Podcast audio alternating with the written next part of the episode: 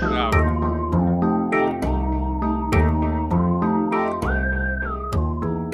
We zijn er weer. Het Raadspension, de wekelijks terugkeer in een podcast met mij, Paulus Historicus. En ik heb Pascal bij me weer. Jeetje, weer. Maar je moet er wel ook bij gewoon vertellen dat het, het is nu 8 uur s ochtends. En we zitten gewoon 8 uur s ochtends en we zijn al zo scherp als een mes. Zeker, zeker, zeker. Ja, we, hebben een beetje, we zitten een beetje te brainstormen. Want we hebben natuurlijk vorige week gehad over ehm, het Midden-Oosten. Dit is part 2, hè, deel 2. En eigenlijk zitten we een beetje met elkaar te, te brainstormen van... Oké, wat is nou de reden waarom er zoveel tegenstellingen zijn tussen het Midden-Oosten en het Westen? En uh, ja, daar kwamen wat interessante dingen uit, uh, of niet? Nou ja, zeker. De, de, de vergelijking is, is dat we, eh, of de vergelijking die je nu net maakt, is. Kijk, het begint met die spotprint, weet je wel.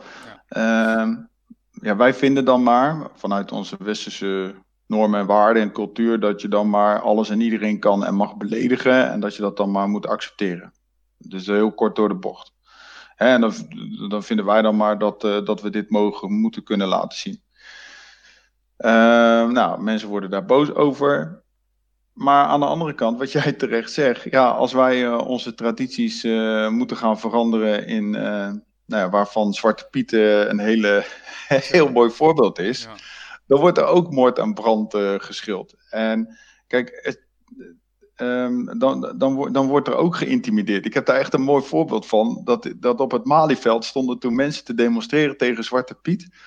En uh, dat was echt best wel een boze massa. En die waren bo boos dat, uh, dat Zwarte Piet werd, uh, hè, dat, dat, dat, nou ja, dat dat dan straks niet meer mag, want dat is onze traditie. En daarna stond een vrouw en die was ook aan het demonstreren. Maar die stond te demonstreren voor een minderheid in Indonesië. En dat had helemaal geen reet te maken met die hele Zwarte Piet. Maar die, die massa, die keerde zich tegen die vrouw, want die dacht van uh, ik snap dit niet en waar gaat dit over? Dus je bent tegen Zwarte Piet. En die vrouw die moest gewoon echt onder politiebegeleiding van dat Malieveld worden gehaald. Maar dat had er geen reet ja. mee te maken. En dan zou je zeggen, ja, natuurlijk, uh, waarom zeg je dit? Ja, dit heeft dit dan iets. Kijk, dat onthoofden van mensen, dat is, dat is dan stap 2. Maar eigenlijk, weet je, dat zijn ook. Dat, nou ja, dat is echt het, het ultieme vorm van geweld, dat je mensen doodmaakt. Maar aan de andere kant, zo'n massa die zo'n vrouw gaat bedreigen en die dus onder politiebegeleiding weg moet. Kijk, dit, dat, nou ja, dit, dit, is niet met elkaar te vergelijken, maar het zijn wel allebei vormen van geweld. Dus ook wij, als we het dan over weer hij en, wij en zij hebben, uh, als ons aan onze tradities wordt gezeten en dat onze tradities worden ingeperkt en dat er dan iets over wordt gezegd, dan worden we er ook boos over. Ja. En ik vind dus, ja, nou ja, ik vind, en dat, dat was een mooi artikel in de Volkskrant hey, uh, ja, als je de profeet beledigt, ja, dan mag je daar best boos over zijn. Ja. Waarom niet? Ja, precies. Nou, ik ben het uh, wel met je eens. En dan, uh, ik heb zelf ook een voorbeeld. Mijn dochter, die is ehm, eigenlijk, die zit bij een dansvereniging. Die is altijd Zwarte Piet, weet je wel, met de in, intocht met Sinterklaas. En de laatste keer, dat was dus vorig jaar. Uh, ging dus kijken, want ja, weet je, het is toch best wel een verhitte discussie, hè? Zwarte Piet wel of niet. En, uh, nou ja, in Dordt hadden we dan nog echt Zwarte Pieten. Volgens mij zaten ook wel een paar roetveegpieten bij hoor, maar uh, in ieder geval hadden we ook Zwarte Pieten. Dus er stond ook bij onze grote kerk, stond daar een groepje, nou ik denk dat het 30 man was, 40 man misschien. Die was aan het protesteren, weet je wel, Black Lives Matter en tegen Zwarte Piet en kick Zwarte Piet out, weet ik veel wat het was. Maar die stonden daar gewoon stil, hè. Dat is gewoon heel een bordje omhoog. Voor de rest gebeurde er niks. Dat was alles. Dus geen uh, spreekkoren, joelen, helemaal niks. En er tegenover, tegen, tegenover dat groepje, uh, nou, er stond natuurlijk politie bij. En daar tegenover stond echt een grote groep met, ja, ik denk dat het voetbalhooligans waren of iets dergelijks. Die, die maar bleven provoceren van, uh, en liedjes zingen over Zwarte Piet. En uh, ik echt af van, even serieus, weet je. Kijk, of je nou voor of tegen Zwarte Piet bent. Kijk, ik heb gelukkig kinderen die zo groot zijn dat het me echt geen reet meer kan interesseren, uh, heel die kut Zwarte Piet. Maar, ja, weet je, waarom moet je zo... Waarom... Er is zo'n... Er zit niks tussen, snap je wat ik bedoel? Het is geen zwart, nee. het is geen grijs gebied, weet je. En dat geldt voor iedereen, hè. Dat geldt natuurlijk, wat jij ook zegt, de onthoofden is natuurlijk stap 2. Maar ja, uh, je hebt, natuurlijk, waarom, mogen we niet gewoon waarom mag je niet boos zijn als iets van jou beledigd wordt? Ik, ja, ik denk dat het op hele kleine schaal ook gewoon gebeurt. Als jij zegt dat iemand uh, over een lelijke auto heb jij, dan wordt hij ook al boos, weet je wel. Maar dat moet dan allemaal maar niet. Je kan niet allemaal niet beledigd zijn. Uh, ja, dat kan gewoon niet. Mensen hebben gewoon gevoel en die, dat wordt beledigd. En dat, ja, dat kan dus uh, zijn om een uh, westerse traditie, kan zijn om een islamitische traditie. Het feit is hoe we ermee omgaan en hoe we met elkaar eruit komen dat iedereen ja, er toch blij mee is. Of nou, wat ik, wat ik gewoon gevaarlijk vind is dus dat, dat polariseren. Dat is echt gewoon een heel groot gevaar. Ja. En dan zie je dus ook, je bent dus of voor of je bent tegen en daartussen is er helemaal niks. Precies. Nou, dat, dat, daar ben ik het niet helemaal mee eens. Alleen ik denk dat er een grote meerderheid is die uh, nou ja, stil, stilzwijgend uh, gewoon zijn mond houdt. En dat altijd degene met de grootste mond uh, ja, dan maar dat voortouw neemt. En die krijgt een aantal volgers achter zich aan. Ja, en dan heb je inderdaad een groep. En die groep staat dan lijnrecht tegenover die andere groep. Ja, en uh, ja, dan heb je het. En ik vind dat zeg maar het gebruik van de, de, de, de, media en de social media, dat, daar ontzettend, dat, dat draagt daar ontzettend aan bij. Dus ja, het gebruik daarvan, nou, dat wordt, gebeurt nog altijd door mensen. Dus ik vind dat, we, dat je daar zou moeten beginnen. En op scholen, van ga daar dan eens een keer mee over gesprek. Weet je wel, laat, weet je dat je dan ook kan vertellen waarom je dan beledigd bent.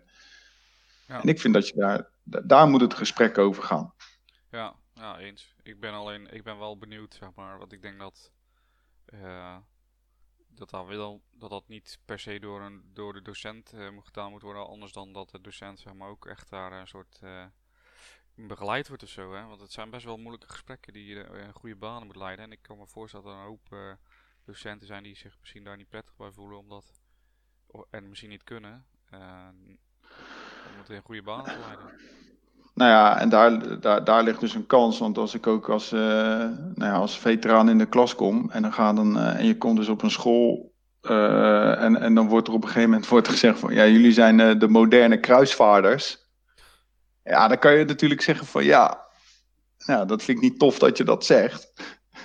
maar in zijn beleving uh, voel je dat dus wel zo. En of dat dus is aangepraat, of dat je daar onderzoek naar hebt gedaan, of dat maakt dan allemaal niet uit. Maar het is dus wel een, een sentiment wat je dus hebt. En dan is het interessant om daar eens over te praten. En dus door te vragen van, nou ja, maar hoe kom je daar dan bij? Weet je, waar, nou ja, goed, waar baseer je dat dan op? En dan kan je echt een heel interessant gesprek krijgen. Ook al is dat helemaal nergens op gebaseerd, maar dan is het nog wel interessant om te weten nou ja, waar komt dat sentiment dan vandaan? En door wie is je dat dan ingegeven? En toen het tegen mij werd gezegd, dacht ik van ja, flikker op man, waarom zeg je dat? Want zo is dat helemaal niet, want wij komen daar uh, vrede en uh, rechtvaardigheid brengen. Maar aan de andere kant denk ik, ja, je zegt het wel, maar je hebt ergens ook wel een punt. Want als je dan teruggaat in de geschiedenis, dan denk ik van ja, uh, wie zijn wij om daar maar eventjes vrede en veiligheid te komen brengen? Weet je, ja. ik, nou ja, aan de ene kant is het, vind ik dat dan ook wel een bepaalde mate van arrogantie dat wij dat dan maar doen. Want kijk, en dan is het wel mooi om in die geschiedenis te kijken. Nou ja, dan vind ik dat wij als westerse wereld in dat gedeelte van de, van de wereld toch wel aardig, toch wel aardig een rotzootje ervan hebben gemaakt. Ja, nou, dat is een goede brug, denk ik, Pascal. Heb je goed gebouwd? ja. Ben ik, hè? Bruggenbouwer, verbinder. Kijk, mooi, mooi, mooi. Nou, laten we dan eens beginnen. Waar wil je beginnen? Want uh, jij zei van nou, ik heb, uh, ik heb eens even goed, uh, ik heb er goed naar gekeken. Ja, goed. Nou, weet je wat het is? Ik, meestal als ik in, in, in, huiselijke kringen wel zo'n zo'n gesprek heb, of een, je hebt het er wel eens over, dan wordt mijn vriendin altijd, die wordt er altijd doodziek van, want die begint altijd, ja, dan heb je hem weer met zijn, met zijn, met met zijn geschiedenis.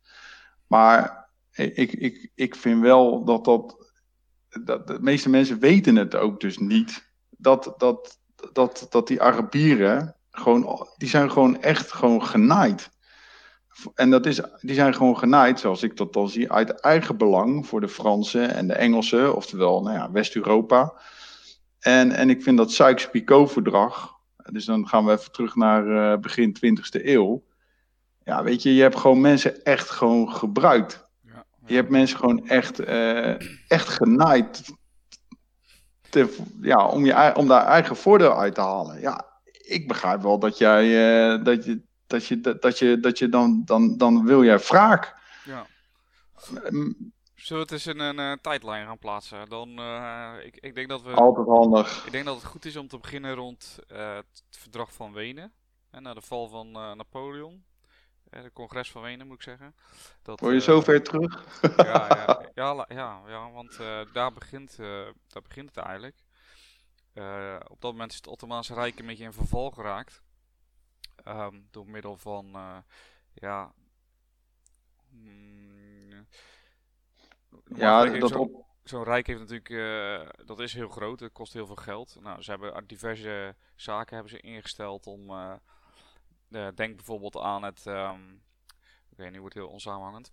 Het Ottomaanse Rijk valt uit elkaar. Nou, dat heeft ermee te maken dat eh, onder andere ehm, de, de handelslieden die eh, daar zijn, dus op het moment dat jij handel drijft in het Ottomaanse Rijk, dan moet jij veel geld betalen. Ehm, op een gegeven moment zie je dat in de westerse wereld, hè, dan komt de industriële, industriële revolutie. Dus alle producten die gemaakt worden in het westen worden echt spotgoedkoop gemaakt. En ze vinden een nieuwe afzetmarkt in het Ottomaanse Rijk. Maar wat is nou het geval? Op het moment dat je dus goederen importeert, dan hoef je niet, eh, en doorverkoopt, dan hoef je niet zoveel eh, belasting te betalen. Op het moment dat jij het zelf maakt, in het Ottomaanse Rijk zelf dus, betaal je veel belasting. Dus dat betekent dat producten die in dat rijk gemaakt worden veel geld kosten. En dat eh, goederen die dus geïmporteerd worden goedkoop zijn, waardoor dus het kapitaal wegvloeit uit dat Ottomaanse Rijk. Dat blijft dus ja, en waar naartoe? Waar naartoe? naar het westen. Nou, dat bedoel ik. Ja. Daar gaan we al. Nou, dus dat is, eh, dat is natuurlijk een, eh, dat is een oorzaak. Eh, daarnaast heb je natuurlijk te maken met Ottomaanse sultans die op een gegeven moment westerse invloeden niet willen. Dus ook geen vernieuwingen overnemen. Waardoor het Ottomaanse Rijk ja, een beetje in verval komt. Hè. De, de, de technieken worden om, om, om het Ottomaanse Rij- Rijk heen ontwikkelt zich door. En in het Ottomaanse Rijk blijft het dus een beetje hangen. Je ziet dus naar dat verdrag, eh, of naar het congres van Wenen, het concert van Europa, kon, wordt inge- ingezet. De grote overwinnaars van Napoleon, die stellen Oh ja. eh, Het concert van Europa. Ja. Waarom, waarom, waarom heet dat zo, joh?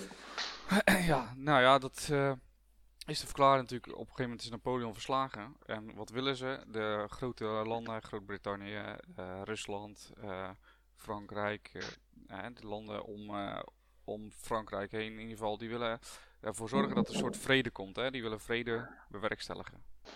Daar hebben we overigens het Koningshuis aan te danken, hè? maar dat is weer een ander onderwerp. Daar wil ik het ook graag een keer over hebben. Het concert van Europa, ja, dat klopt, ja. ja. Ja, de bedoeling van dat concert van Europa is om de vrede te bewaren in Europa. En eh, ja, even heel gechargeerd gezegd, eh, wordt er afgesproken als één eh, eh, ergens voordeel van heeft, dan moeten de andere supermachten ook een bepaalde voordeel krijgen om het in evenwicht te houden. Ze, ze zochten naar een soort machtsbalans. En een van de slachtoffers eigenlijk van het concert van Europa is heel vaak het Ottomaanse Rijk. En dat betekent dat op het moment dat een eh, land bijvoorbeeld eh, gebiedsuitbreiding krijgt, dat er vaak van het Ottomaanse Rijk wordt afgesnoept om die gebiedsuitbreiding zeg maar, te compenseren bij de andere supermachten. En ehm, daar speelt natuurlijk ook het modern imperialisme speelt een eh, grote rol. Hè. Het verschil tussen het modern imperialisme en het eh, imperialisme ehm, eh, van daarvoor is natuurlijk dat met het moderne imper- imperialisme het echt gaat om een hele land gewoon te bezetten, in feite. In plaats van daar ja, met handelsposten te werken. Dus je ziet dat in 1830 Frankrijk Algerije op een gegeven moment bezet. Terwijl dat eerst bij het Ottomaanse Rijk hoort. Zo. Zo. Die is eruit, die kikker. in ehm, Frankrijk bezette dus in 1830 Algerije, in 1881 Tunesië en in 1912 bezetten ze Marokko. Dus je ziet dat dat Noord-Afrikaanse gebied verdwijnt van het Ottomaanse Rijk.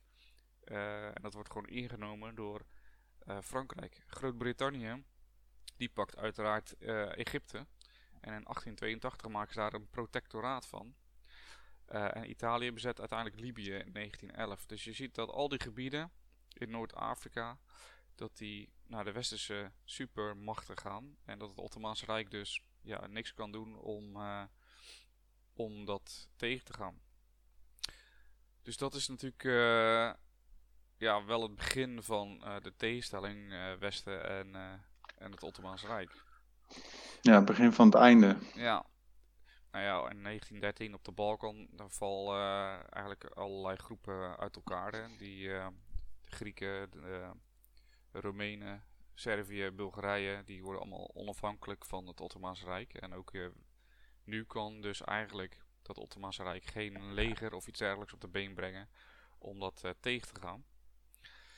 En uiteindelijk eh, kiest dat Ottomaanse Rijk dan ook om met de centrale mogendheden eh, te vechten tijdens de Eerste Wereldoorlog. Ja. Dus je denkt van, nou ja, oké, Frankrijk en Engeland eh, de mazzel. Ja. We kiezen maar voor de, voor de Duitsers. Ja, en een, groot, een belangrijk eh, punt is natuurlijk eh, Egypte van, eh, van Engeland. Dat willen ze, ze willen die Engelsen uit Egypte hebben, zodat zij het Suezkanaal weer terug in handen krijgen. Ehm, maar goed, ja, we weten allemaal hoe dat natuurlijk afloopt.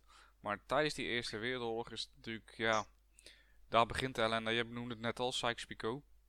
Eh, maar er zijn natuurlijk veel meer zaken eh, tijdens de Eerste Wereldoorlog, eh, veel meer in, intriges om het zo maar te noemen, waardoor ja, we nu met de gebakken peren zitten, denk ik.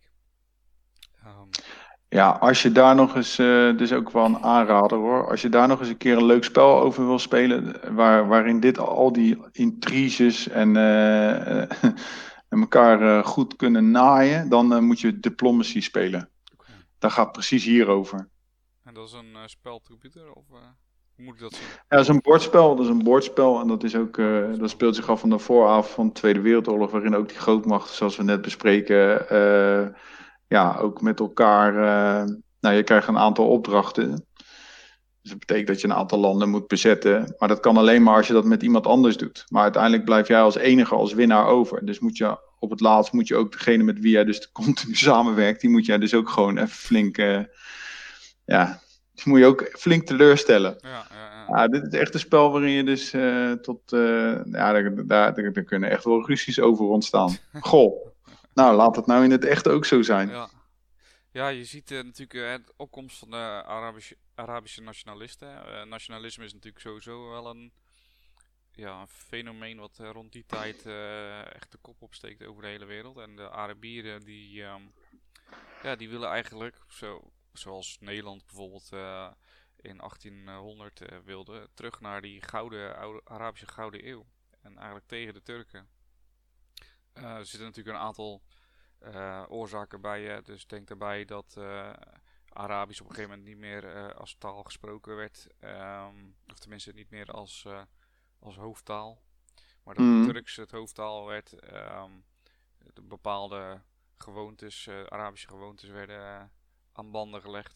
En in 1915 eh, worden er Arabische nationalisten openbaar geëxecuteerd. Wat natuurlijk leidt tot een extra boost voor die eh, groepering. En ehm, ja, dat zorgt er dus voor dat er een Arabische-Turkse tegenstelling komt. En dat is een tegenstelling die de westerse eh, machten willen gebruiken. En dat is een van de, een van de dingen hoe ze dat doen, is ja, eh, de Britten die beloven de Arabieren een groot, groot, eh, zo, een groot rijk. Het is nog vroeg. En eh, ja, die Arabieren die zien er wel voor, die zien er wel wat in. Hè? Die willen wel zo'n groot rijk, zoals, ik, zo- zoals we vorige week hebben behandeld. eh, een aantal zijn er een aantal grote Arabische rijken geweest. Dus Ja. Ehm, die Britten zeggen, jongens, als jullie in opstand komen in, in dat Ottomaanse Rijk, dan krijgen jullie van ons een, ja, een grote eigen staat in, het, eh, in Saoedi-Arabië, Syrië en Irak. Dus dat is een van de Britse beloftes aan de Arabieren. Nou, ehm, je kent natuurlijk wel eh, Lawrence of Arabia, en die eh, heeft daar een rol in gespeeld. ja, mooie film ook trouwens. Ja, ik heb de film nog nooit gezien, moet ik heel eerlijk toegeven. Ja, dat is wel echt een klassieker hoor. Ja, Dat is nog oude stijl. volgens mij duurt die ook drie uur of zo. zo. Het is nog echt zo'n eh, soort van. Ja, dat je de, in, in, de, in de trant van Ben Hur en zo. Ja. Ja, ja, ik moet hem toch nog een keer kijken. Ja, ik, ja, ik hoor dat je al. eh, dat je wel eh, dat je geenthousiasmeerd bent om die film te gaan kijken. Ja, sowieso. Het lijkt, me, ik, het lijkt me sowieso een leuk film. Ik heb wel, ik heb wel stukjes ervan gezien, maar niet helemaal, zeg maar. Dus, ehm, maar eh, dat verhaal Ja, gaat dan hier over die Lawrence van Arabia. 1962. Ja. Hè? Dat gaat dan over die Lawrence- eh, Lawrence, hè? Die, Ja, eh, ja, die ja, ja. Die Engelse diplomaat die uiteindelijk, zeg maar, integreert in eh, ja, de Arabische samenleving in het Midden-Oosten. Ja, maar ik, ik zit dat nou even op te zoeken, jongen. Maar die film ook. Ik, ik denk dat ik hem toch wel even. Hij krijgt een 8.3 op eh, de International Movie eh, Database. Maar er zitten ook wel spelers in hoor. Peter O'Toole, Ja. wie kent hem niet? Alec Guinness, Anthony Quinn. Nou, Zorba de Griek. Jack Hawkins, Omar Sharif. Jongens, kappen nou. Ja, dit is... eh jongen, jongen, jongen. Ja, dat is een movie eh, crème de la crème natuurlijk. Ja, dit is... eh, ja, hey. En weet je hoeveel Oscars die heeft gewonnen? Vertel. Zeven. Ja, dat is nog in de tijd dat, eh, dat, dat, dat je nog gewoon 7, 8 Oscars eh, voor één film eh, kon krijgen, joh. Niet normaal, man. Best vooruitstrevend in die zin. eh, de- eh, 1962 is niet zo ver verwijderd van de Eerste Wereldoorlog natuurlijk. Nee, dus, nou, ja, best wel een bijzondere figuur, toch? Die T.A. Lawrence. Ja. Ja, en, vanaf negen, ja, ze krijgen het ook zover hè, dat, eh, dat de Arabieren meevechten vanaf 1916 aan Frans-Britse zijde. En ehm, ja, dat heeft natuurlijk ook wel eh, grote invloed op het verloop van de oorlog. Het grappige, oh ja, ik weet niet of het grappig is, maar eh, de, de Eerste Wereldoorlog is echt een, een oorlog van uitputting. Ehm, zowel voor de geallieerde kant als de, als de Duitse kant. En eh, het is niet zo dat de Duitsers er zodanig slecht voor stonden dat, eh, dat het overduidelijk was dat zij gingen verliezen. Helemaal niet. Zeker niet op het moment natuurlijk dat de Russen op een gegeven moment eh, een eigen probleempje krijgen en zich terugtrekken uit die Eerste Wereldoorlog. Ehm, en om toch een beetje ervoor te zorgen dat er nieuwe geldstromen naar het westen komen, naar, naar vooral Engeland en Frankrijk, gaan de Britten nog een belofte sluiten. En dat doen ze met de Joden. En dat doen zij door middel van de Balfour-declaratie. Ehm, Ja. Hey, maar dit, ja, sorry, maar ik, ik, ik neig toch elke keer weer terug naar die eh, T.A. Lawrence show. Want dat is toch wel, dat klinkt toch ook als een spannend jongensboek. Ik zie dat ook helemaal voor me, joh. Dat zo, ik, over hoe die dan met elkaar in contact komen. Zo'n emir, zo'n Arabier, die zie ik dan ook met zo'n, zo'n zoals je nu die Arabieren in Saoedi-Arabië ziet. Die zie ik dan in zo'n, in Cairo, in zo'n café zitten. En dan zo'n, heb je zo'n geheime afspraak. En daar komt dan die geheime agent T.A. Lawrence. En die moet dan met die vent in gesprek om dan met elkaar te gaan, te gaan afspreken hoe ze, dan die, eh, eh, hoe, die, hoe ze dan die Turken gaan aanpakken. Weet je wel? En hoe je dus iedereen kan mobiliseren om dan tegen die lui te vechten.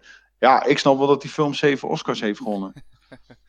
ja, nou Ja, ja, dat ik zou zeggen, eh, ga hem kijken. Als je hem nog niet hebt gezien, kijk hem. Ik ga hem ook ergens een keer bekijken bij een vrij moment. Wat vrij schaars is, moet ik eerlijk zeggen. Maar, maar goed, ook die, dus die Arabieren die hebben ook dus wel een hang naar eh, onafhankelijkheid. En dat, dat vinden ze dus in die Hussein. Hussein die overigens dan ook zegt dat hij een afstammeling is van Mohammed. ja, ja, dat komt wel even handig van pas natuurlijk.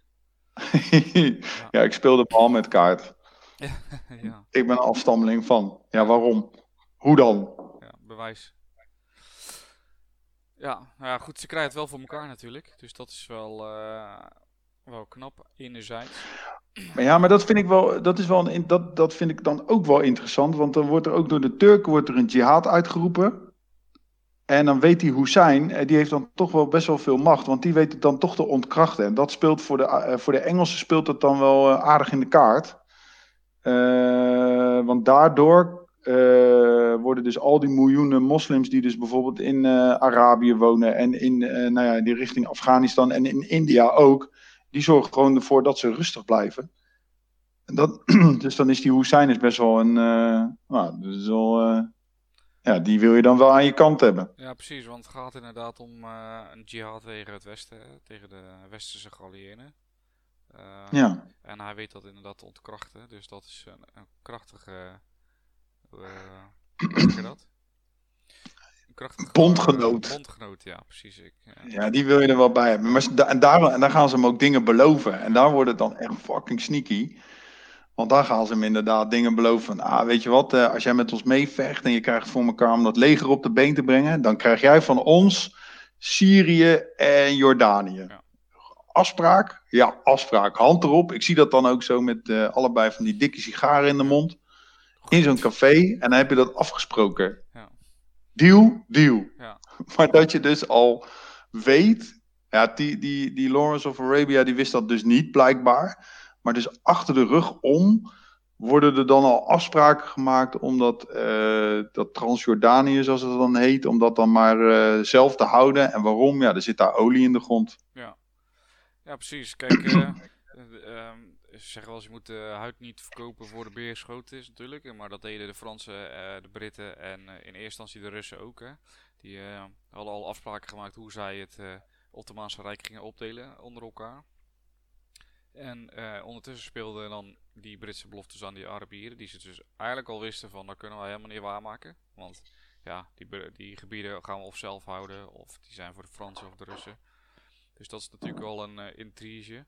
Maar er, komen er, nog gewoon, er komt er nog gewoon een intrige bovenop. En dat is die eh, natuurlijk met de Joden. Hè, Joden Oh ja, die zijn er ook nog. ja. Nou, de Joden zijn eh, uiteraard vrij eh, rijke, eh, rijke bevolkingsgroep. Hè. Die mochten eh, eigenlijk geen ander eh, beroep uitoefenen als eh, met geld omgaan. Nou, dat hebben ze door de eeuwen heen hebben ze dat goed gedaan. En zijn eh, redelijk rijk. Dus om eh, die Joden aan de kant van, eh, van de Fransen en de Britten te krijgen, beloven zij eh, aan de Joden hun eigen land. En dan moet jij eens raden waar.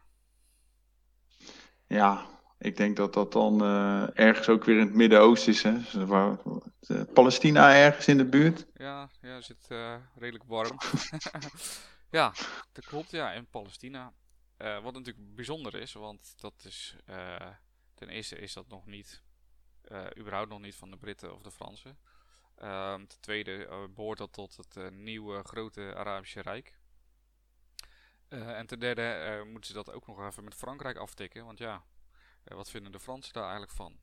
Dus ook dit is weer zo'n zo'n intrige die er dan bij komt, zo'n belofte, waarvan de Britten maken, maar van tevoren ze hebben van nou, we zien wel wat er van komt.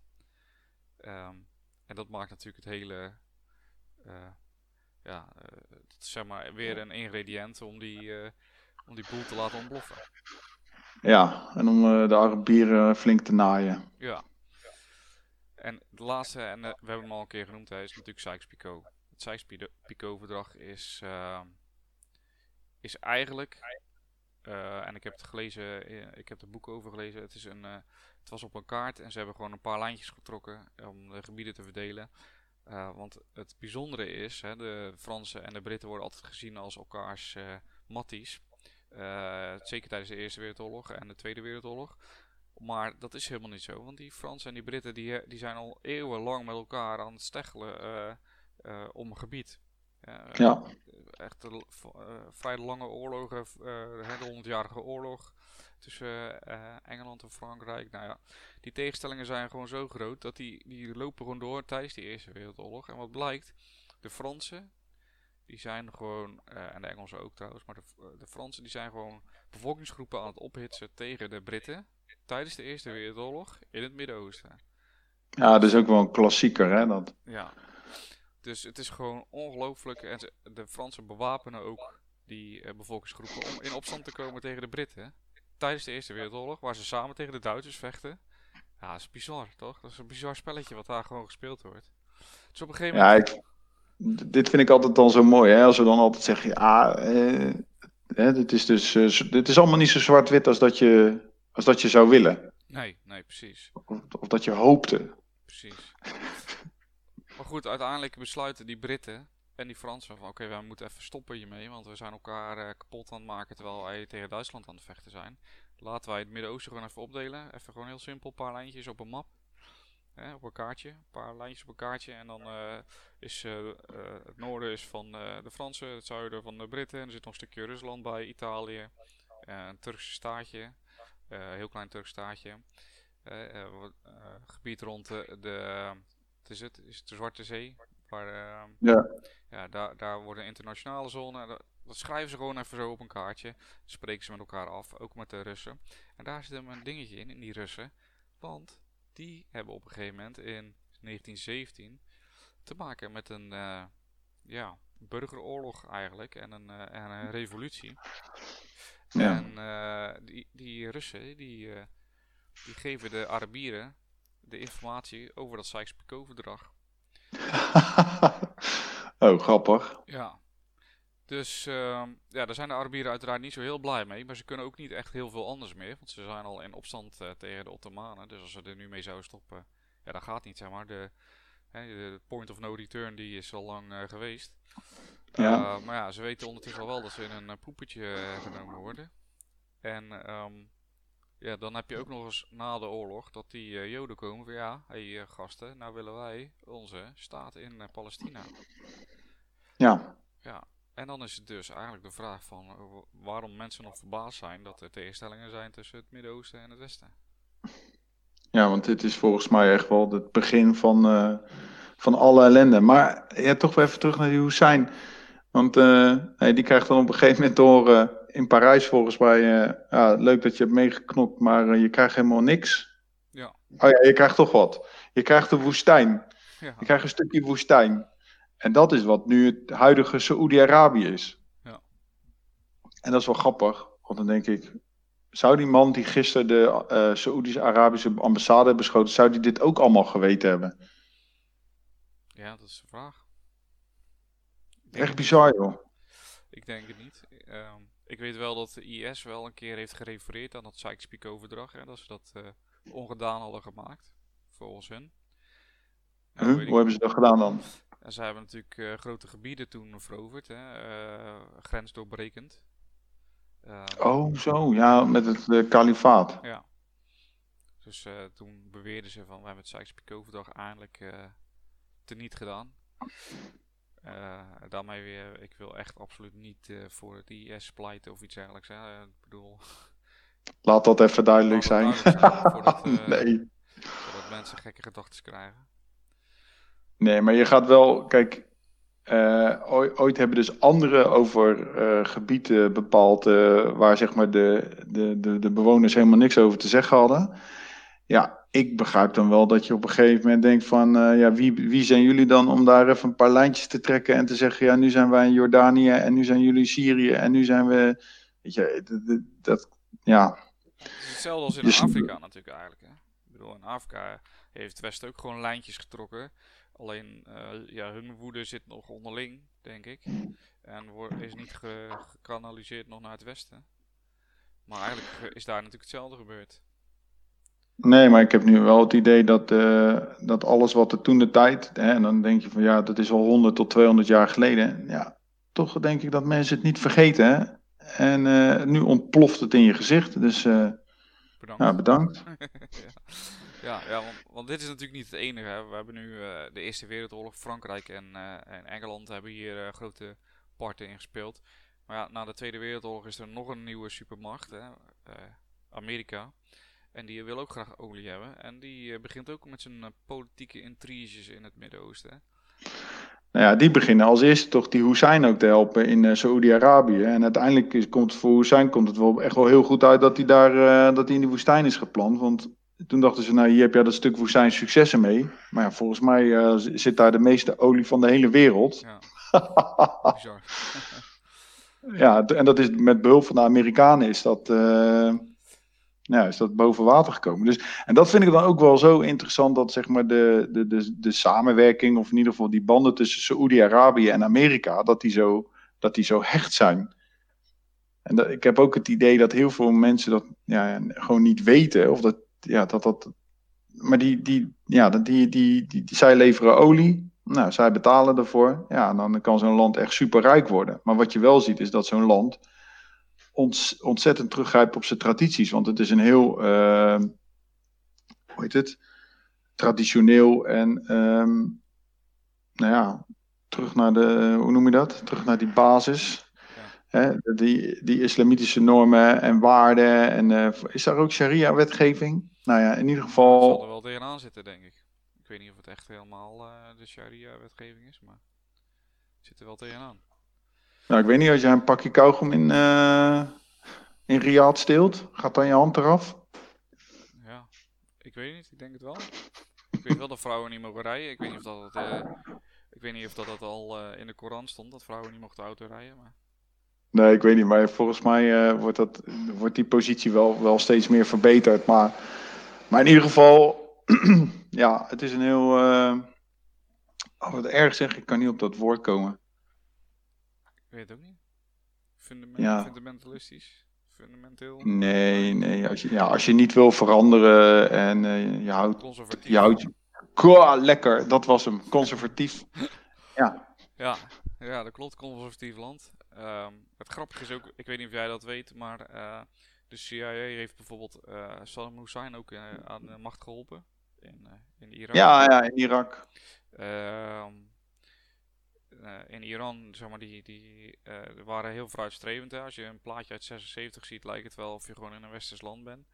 Eh, en ehm, ook die, die Shah daar, die is aan de macht gekomen met hulp van, de van het Westen. Die is dan uiteindelijk afgezet ehm, Ja, door Khomeini. Waardoor het weer een streng islamitisch land werd. Ehm, maar zo zie je dat in dat hele Midden-Oosten, dat ja, overal, overal intriges zijn gespeeld van, om, omwille van olie. Hè, want daar gaat het uiteindelijk om. Olie. exact. Maar ik, dat, dit vind ik wel echt wel voor een deeltje drie hoor. Ja?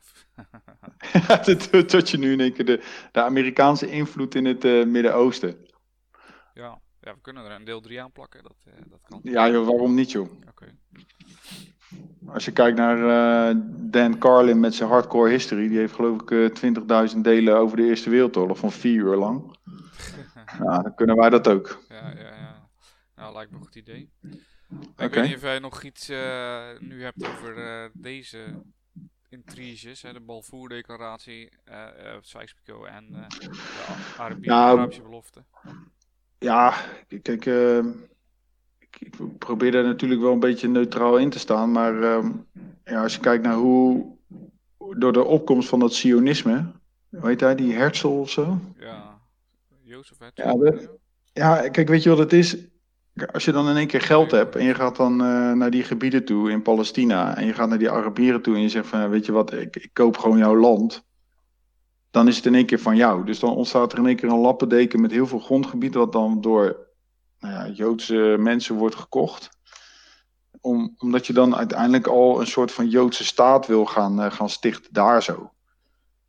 Ja, ik weet, ja, Ja, nou ja, je, je ziet nu wat de problematiek. eh, en eh, nu gun ik iedereen zijn eigen landje hoor, daar niet van. En ik, ik snap ook zeker wel dat na de Tweede Wereldoorlog de, de noodzaak is om Joden een eigen land te geven. Die was wel erg. ja. Maar ik kan me ook best wel voorstellen dat. Dat, hè, dat is ook zo'n gedachte die er dan heerst. Ja, eh, in, het, eh, in, West-Europa hebben we 6 miljoen Joden afgemaakt. Waarom moeten ze dan in één keer hier naartoe komen? Waarom moeten wij daar dan land voor opgeven? Ja. Nou ja, dat is. eh, ik zag een keer een. ja, ik weet niet of het echt een spotprint is of het is in ieder geval zo'n zo'n politiek cartoon achter die ik ook in mijn les wel eens gebruik. En dan zie je eigenlijk een, een Jood en een eh Arabier tegenover elkaar, een beetje met elkaar ruzien. En je ziet dan zeg maar hun onderlijven verstrengelen dan naar elkaar, naar een gezamenlijke wortel, zeg maar. En dat is natuurlijk wat er aan de hand is. Hè. Ze hebben gezamenlijke roots in dat, eh, in het Palestina. En de vraag is natuurlijk, ja, wie, eh, wat voor claim kan je maken op een gegeven moment, hè? Ehm, de Joden, ja, we komen er vandaan. Palestijnen, ja, we wonen er al eeuwen. Ja, wie heeft gelijk, wie heeft recht? Eh, ik, ja, ik, ik vind het lastig. Kijk, als ik mijn huis verkoop, dan kan ik, of mijn huis uitgezet wordt en die wordt van iemand anders. Dan kan ik niet, Nou ja, weet je, kijk, dat het- terugclaimen natuurlijk. Bijvoorbeeld. Kijk, het gaat over die, hoe heet die filosoof eh, Rousseau. Die zegt ook, ja, het moment dat iemand komt en er, eh, bij een groep mensen en die zegt, nou ja, hey, eh, binnen deze paaltjes die ik hier nu sla, dat is mijn stukje land. Dat is dus mijn bezit. Het is van mij. Ja, dan krijg je onrust. Nou, de rest is geschiedenis. ja. ja, dat is zeker waar. Moeilijk. Het zijn moeilijke onderwerpen. Ik denk dat wij, eh, wij er niet uitkomen. Wij, eh, on- ondanks ons scherp filosofische brein eh, op deze ochtend. Zekers. Maar het gaat om meer inzicht geven. Ja. Om, nou ja, om meer te, gewoon te begrijpen waar die sentimenten vandaan komen. ja. En nogmaals, ik, wil, Pascal en ik praten zeker geen geweld goed. Van Nee. niemand niet. Geweld is nooit de oplossing. Nee, maar ik kan me wel voorstellen dat als je eh, dusdanig in het nauw zit, dat je dan, eh, ja, kan ik me wel voorstellen dat, dat je dat dan op een gegeven moment als enige uitweg eh, gaat zien. Omdat je zo machteloos bent en zo wordt genegeerd en in de verdrukking raakt, dat je dat dan, ja, dat, dan is dat dan nog het enige wat je zou kunnen. Ja, dat is, de, Waarbij ik dat nog niet goed praat, maar dat is het sleutelbegrip, hè, machteloosheid. ja. Ja. Oké. Wil, je hem, wil je hem afsluiten al? Of heb je nog een eh, zeer zinnig... eh, nee, ik heb geen uitsmijten. Ja, nee, geen uitsmijter. Oké. Nou ja, dit Nee. was dan eh, part 3, of part 2, part 2 van onze Midden-Oosten. Gaan we echt gaan we nog een deel 3 maken over. Ja joh, ja joh, we gaan nu door. Nu gaan we door. We gaan door, oké.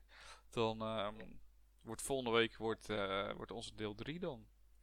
Oké, Dus dan zie ik jou binnenkort weer.